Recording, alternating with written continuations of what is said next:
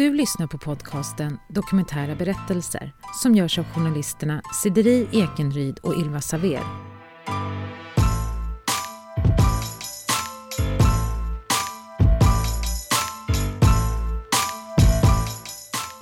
Mm.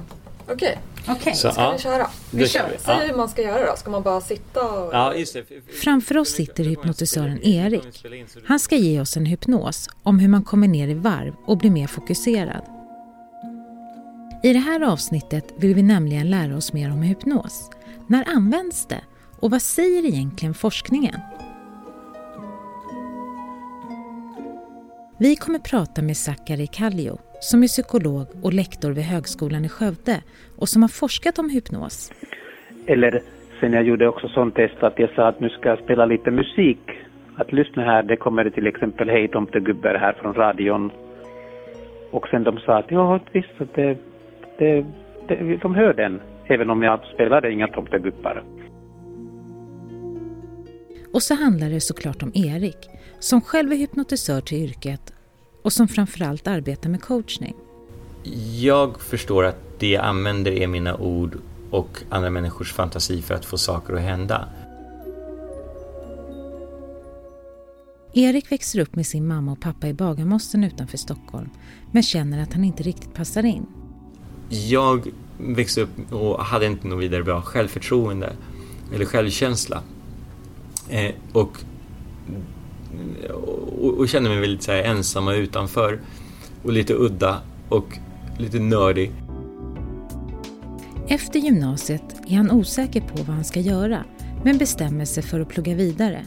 Jag var lite, visste inte riktigt vad jag skulle hitta på. Jag visste att jag en dag ville bli journalist, men i övrigt så var det att jag vill upptäcka någonting nytt. Eh, lära mig engelska, ha roligt helt enkelt. Och så hittade jag en utbildning som gjorde att jag skulle hamna på ett college i Chicago. Och en kväll så var det att alla elever samlades i aulan och det hade gått ryktet om vad det egentligen handlade om. Det var en hypnosshow och att vem som helst skulle kunna vara med och bli stjärnan i, i eh, showen. Och jag var en av dem som ville ha det här äventyret så jag sprang upp och uff, så var jag inne i hypnos och gjorde roliga saker uppe på scenen. Men framförallt så var det att när jag sen gick ut på kvällen med mina kompisar så blev det bara en, eh, en känsla av så här wow vilken lugn och vilken glädje jag kände in i kroppen. Och det var en ny smak av livet som jag hade fått där. Så det var så här, tänkte jag det här måste jag liksom ta med mig till Sverige och det här måste jag göra något spännande av. Så. När jag började få någonstans i 20-årsåldern började få smak för att man kunde plantera idéer i sitt undermedvetna sinne, att man kunde ändra vem jag är. Ändra min identitet. Ändra vilka tankar som jag, eh, som är de första tankarna som jag tänker på morgonen. Att ändra hur jag ser på andra människor. Då var det så här, då blev jag besatt. Så i de senaste 20 åren så har jag i princip jag lägger in saker i min hjärna hela tiden. Hela, hela, hela tiden.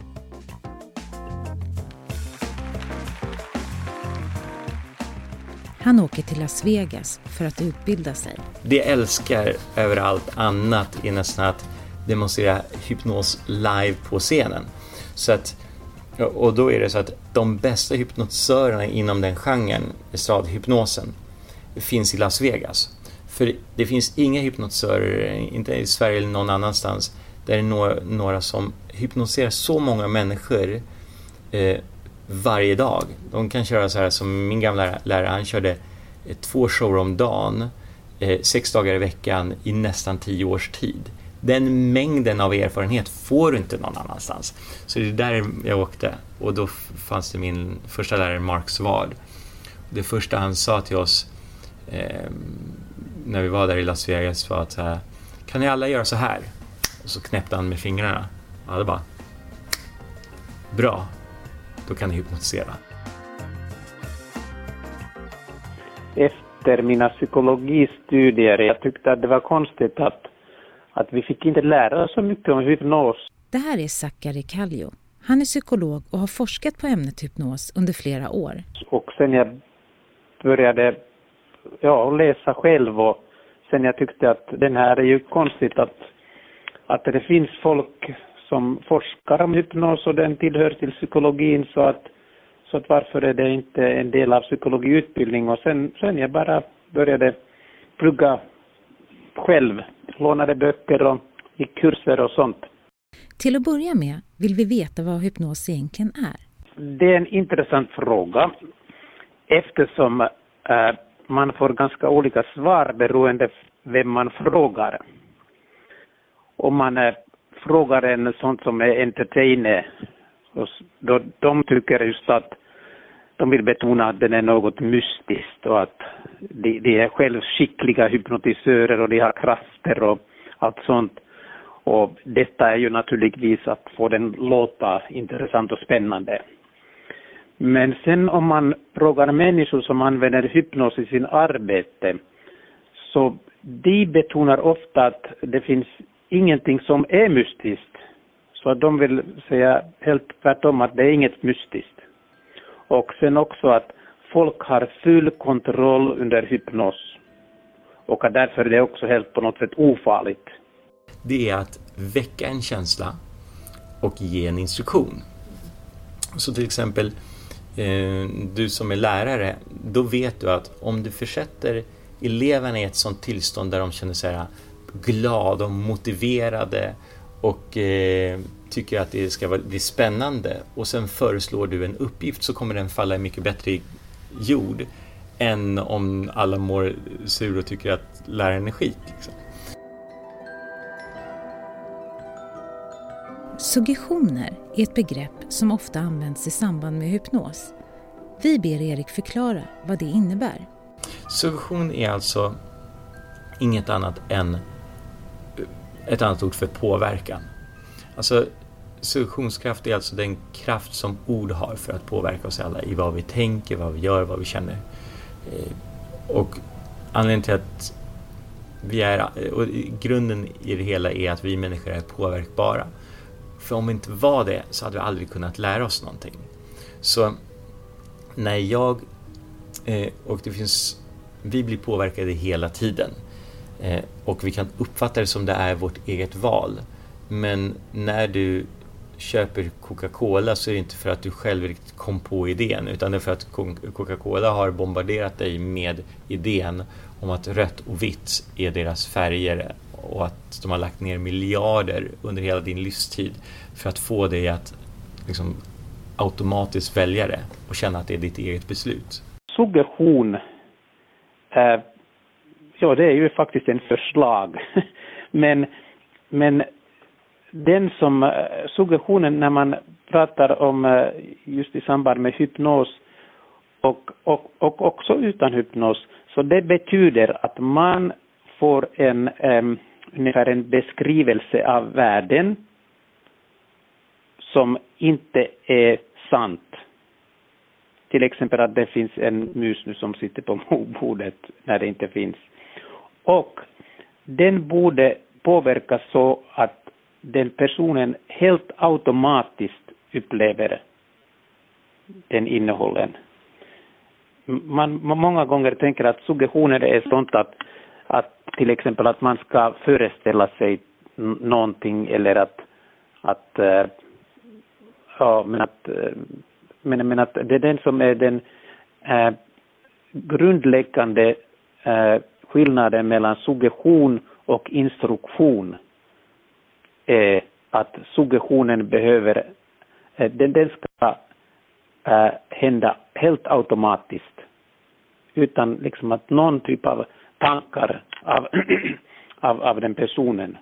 Till exempel om någon säger att nu är jag så tung att jag kan inte gå ut upp från fåtölj.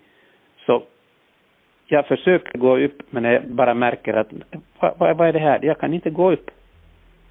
Och det måste liksom hända helt automatiskt.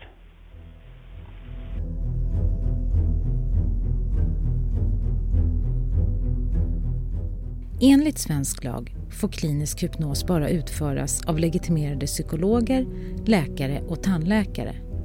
Det Erik arbetar med går under namnet coachning och han träffar därför många entreprenörer i sitt yrke. Ja, entreprenörer är så att de, de vet att om de släpper en övertygelse så kan de antingen spara mer pengar, tjäna mer pengar, känna sig mindre stressade och ha roligare och må bra. Och de är så att när man ger dem en idé, då tar de den idén och så springer de med den. Och de är det roligaste av alla att jobba med. De är så kul. Så, så entreprenörer, de, för de, de, de ser så mycket möjligheter. Och, de är, och då ser de möjligheter med det här också.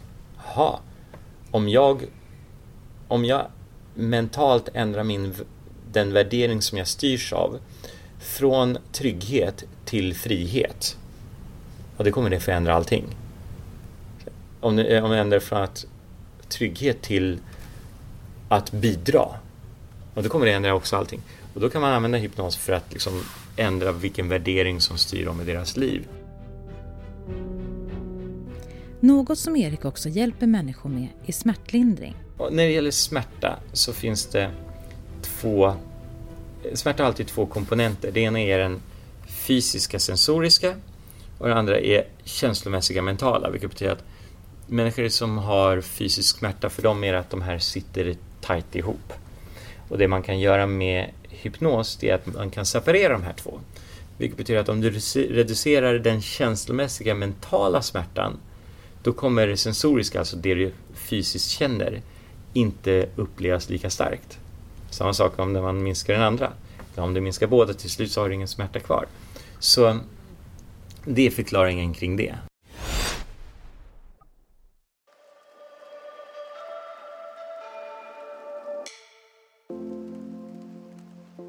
Vissa menar att man genom hypnos kan komma i kontakt med sitt undermedvetna. Vi hör Sakari Kallio igen. Att man skulle tänka noggrant nu att hur mycket bevis vi har för sådana här omedvetna eller undermedvetna processer eftersom det finns ingen forskning som stöder sånt. Så att, så att jag, jag tycker att man borde liksom sluta helt och hållet eftersom den nya kognitiv neurovetenskap visar inte så mycket att vi liksom kan få något fram från den om, om man tänker att det kommer från omedveten eller undermedveten med hjälp av hypnos, utan det är samma saker som man kan komma få ut utan hypnos också. Eller, eller man antar att den som kommer från undermedveten är också sant. Och att den undermedveten information är på något sätt sånt, det finns någon vis, vis och klokt undermedveten som, som vi kan liksom fråga råd om. Och den här är ganska typiskt fortfarande bland, bland många kliniker och det, det är det som jag, jag har försökt att, att strida emot. Så vad är det då som gör att människor mår bättre efter den här behandlingsformen? Han menar att det för de allra flesta handlar om att man arbetar med mentala bilder snarare än det undermedvetna som man påverkas av. Innan, eftersom jag testade många människor och eh, jag fick dem att känna till exempel att deras händer, när jag ser att de blir helt lätta, så de, de gick upp i luften och de tyckte att det var intressant. Eller att om jag sa att deras kroppar blir så tunga att de kan inte stå upp. Och de kunde inte och tyckte också att det var väldigt intressant. Eller sen jag gjorde också sånt test att jag sa att nu ska jag spela lite musik att lyssna här, det kommer till exempel Hej tomtegubbar här från radion. Och sen de sa att ja, visst, att det, det, det, de hör den, även om jag spelade inga tomtegubbar.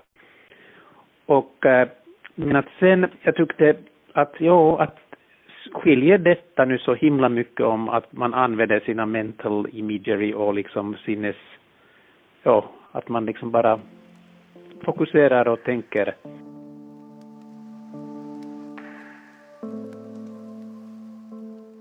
det, det, finns, det finns ett exempel som delar vår hypnos-community.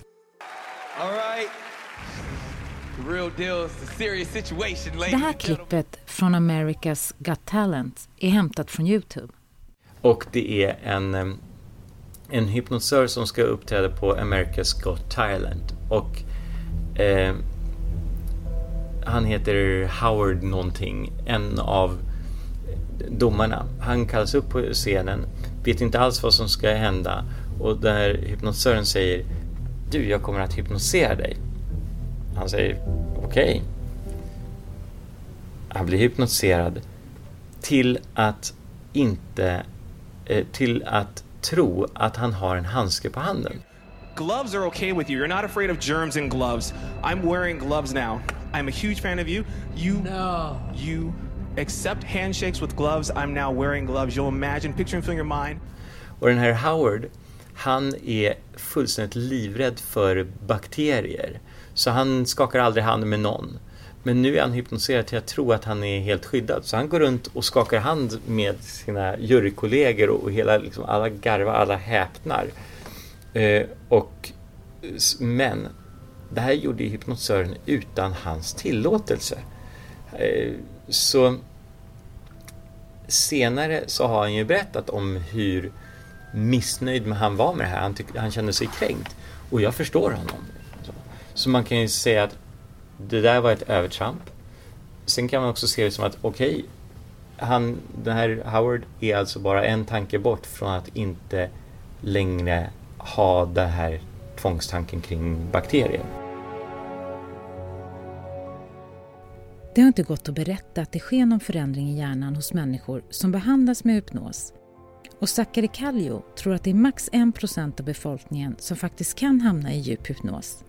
I sitt arbete har han själv träffat en kvinna som varit särskilt mottaglig. Och hon var nästan som hon hade sovit, eller hon var väldigt sånt, ja, att hon, hon liksom kom ingenting ihåg vad, vad vi hade gjort eller vad hade hänt. Och eh, det var väldigt, väldigt märkligt. Men att jag tänkte att det här kanske är just något sånt som jag har läst från böcker, att de kommer inte ihåg. Sen jag tänkte att att den här liksom måste jag nu få, få forska vidare. Och vi hade lite tur där eftersom hon hade haft en sån stressig period i sitt liv så att hon hade såna lite typ irritable bowel, såna ont i magen syndrom. Han testar också om hon får hallucinationer. Hon verkligen sa att hon hör musik när jag sa att det kommer någon musik. Och äh, sen hon sa också att hon ser saker, om jag säger till exempel att det finns en liten mus på bordet, så hon var helt övertygad att det var en och sa att hon såg dem. Och såklart, jag var lite skeptisk, eller jag tänkte just att men natur kan jag veta om hon bara liksom säger att för att, kanske för att få fortsätta de här och, och få lite behandling för sin mage, att hon säger att så, så det, det, det, var hela tiden sånt att jag, jag, jag ville liksom få bevis att allt är liksom sant. För att få någon form av bevis undersöker han hennes ögon som inte alls reagerade som en vaken person. Under hypnos, hon blinkade sex gånger eh, under tio minuters period. Och i normal läge 80 gånger, vilket är väldigt sånt average. Och eh, sen jag började läsa det här ögonrörelsegrejer lite mer och jag, har, jag hittade många forskare som hade sagt just att den här ändringar i ögonen är något som är väldigt typiskt just när man är under hypnos.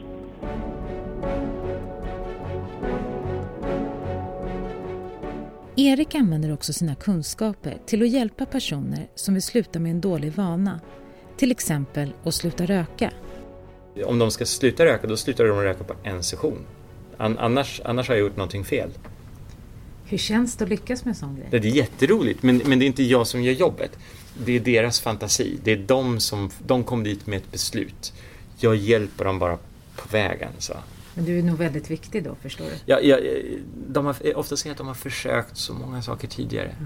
Alltså, ta en person som är överviktig. De har testat LCHF, GI, eh, banandiet, flygvärdinna-diet, riskhospitalets diet, eh, vattenfasta, eh, räkna points. De är ju så slut, de är så trötta på de, de önskar att de kunde gå tillbaka till sitt, till sitt yngre jag som fattade första beslutet om att de skulle eh, gå på en första bantningskur och bara säga Hallå, du ser fin ut som du är, sluta hålla på med det här. Så går det verkligen att sluta med en ovana efter bara ett tillfälle?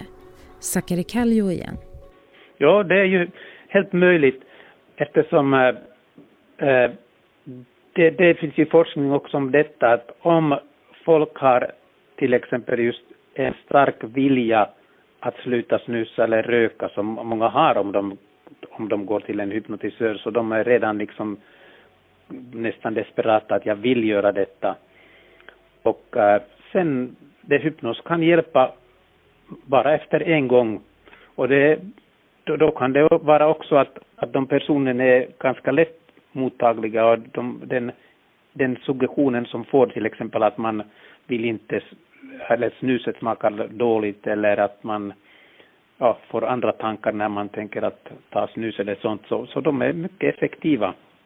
Så att jag, jag tycker just, jag brukar just alltid säga att hypnos är just en sån behandling att det finns inte, eh, att det är ingen, ingen bieffekt, utan det kan bara vara den, liksom den bra effekten.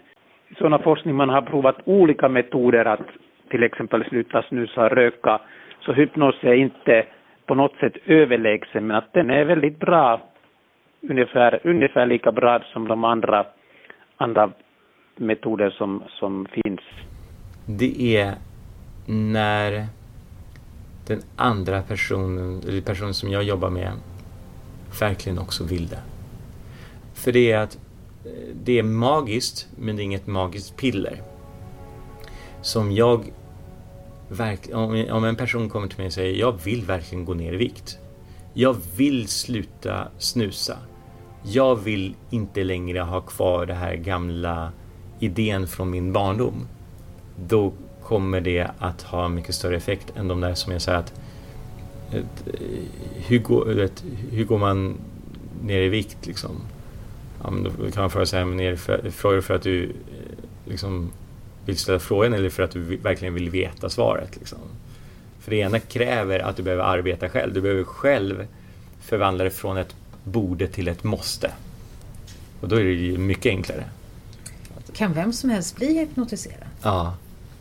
Och vi kommer köra en hypnos lite senare här så att eh, dina lyssnare kan bli mer fokuserade. Då får de själva avgöra om de blev mer fokuserade efter hypnosen.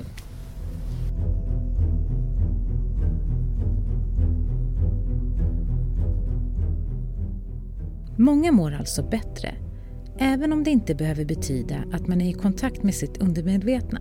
Det är lite som eh, en skådespelare går in i en roll i teater. Och om man nu, ska vi säga att man har en, man är någon, ja, någon kung eller någon annan som blir riktigt arg och gör saker där, så just när man spelar den rollen så är man inte på något sätt medveten om allt som händer utan, ut, ut, utanför, utan man är helt in i den rollen. Det är just det som händer i hypnos, att de går så djupt in i den rollen att de inte tänker just på den tiden att är det här sant eller inte. Men att det, vi kan inte, behöver vi inte tänka heller att någon skådespelare är i någon omed, eller, eller sånt eh, förändrat medvetandetillstånd, utan att den är ju vanligt tillstånd men att den har gått djup i den rollen. Om nu människor kan bli behandlade med hypnos, varför används det inte mer? Vi hypnotisörer, vi står längst bak i telefonkatalogen på ett sätt. Alltså att eh, om du har eh, någonting som du, ett känslomässigt problem eller ett mål du vill uppnå, det första du vänder dig till det är liksom de som du har runt omkring dig, nära och kära partner. Nästa grej är att du börjar kanske tänka, kanske det finns någon coach. Sen blir det att gå vidare, en psykolog. Sen kanske det är att du, terapeut. Sen någonstans där så kan det komma att eh, dyka upp. Så som hypnotisörer så är vi väldigt sällan första valet. Så många av de som kommer till oss är för att andra inte har lyckats. Och då, då är det så här, men sen finns det också säkert en, en rädsla hos många människor. Om, om du och lyssnare tänker på så här, hur är det, vad får du upp för bild när du tänker på hypnos? Och då kanske det är att du ser eh, snurrande spiraler, män i höga hattar, ett fickdjur som gungar fram och tillbaka. Eh, kanske att du tittar, eh, tänker på filmer med så här, Djungelboken där Ka hypnotiserar Mowgli eller den här filmen Office Space där någon liksom hypnotiserar och fastnar i hypnos. Du har en slags skräck och fantasibild av hypnos. Även fast hypnos är den äldsta formen av eh, psykoterapi i västvärlden. Även fast det här var någonting som Freud höll på och eh, testade. Kan det, hypnos vara farligt om man använder det på fel sätt? Nej. Det, det är kommunikation. Det är påverkan. Och då är det så att eh, hypnos är lika ofarligt som att ligga på eh, en filt en varm sommardag och titta upp mot moln som passerar. Så, eh, det är själva tillståndet. Kommunikationen bygger på att intentionen hos den person som arbetar med en.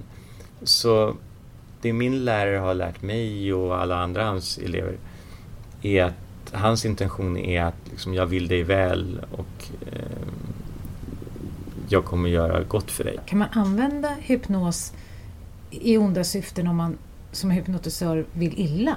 Nej, alltså människor med kontrollbehov de skulle älska hypnos för Eh, du har mycket mer kontroll i hypnos än utanför hypnos.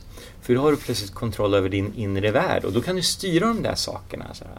Då kan du styra ditt sinne till att bli mer tacksam eller styra ditt sinne till att känna mer glädje. För människan är den enda art på jorden som kan tänka en tanke och känna sig glad, tänka en annan tanke och känna sig tacksam, tänka en annan tanke och känna sig stressad eller deprimerad. Så.